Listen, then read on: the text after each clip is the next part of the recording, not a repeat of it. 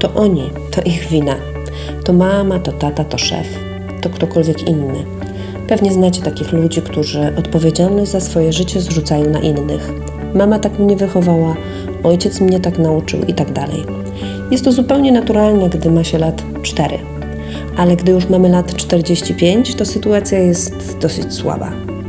Jeśli w swoim życiu wykorzystujesz ten schemat, to zwróć uwagę, że wskazując ręką na tych, którzy są winni, jednym palcem wskazujesz na nich, podczas gdy trzema na siebie.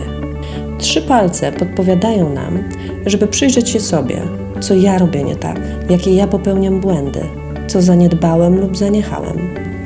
Przychodzi taki moment, że trzeba przenieść odpowiedzialność za swoje życie na własne barki.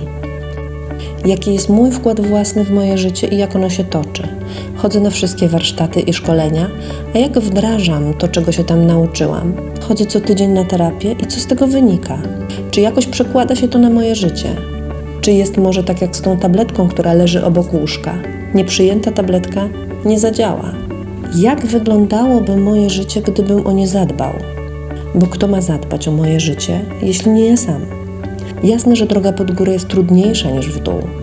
Mało tego, nikt nie jest w stanie siłą nas na nią zaciągnąć, albo też siłą z tej drogi zawrócić.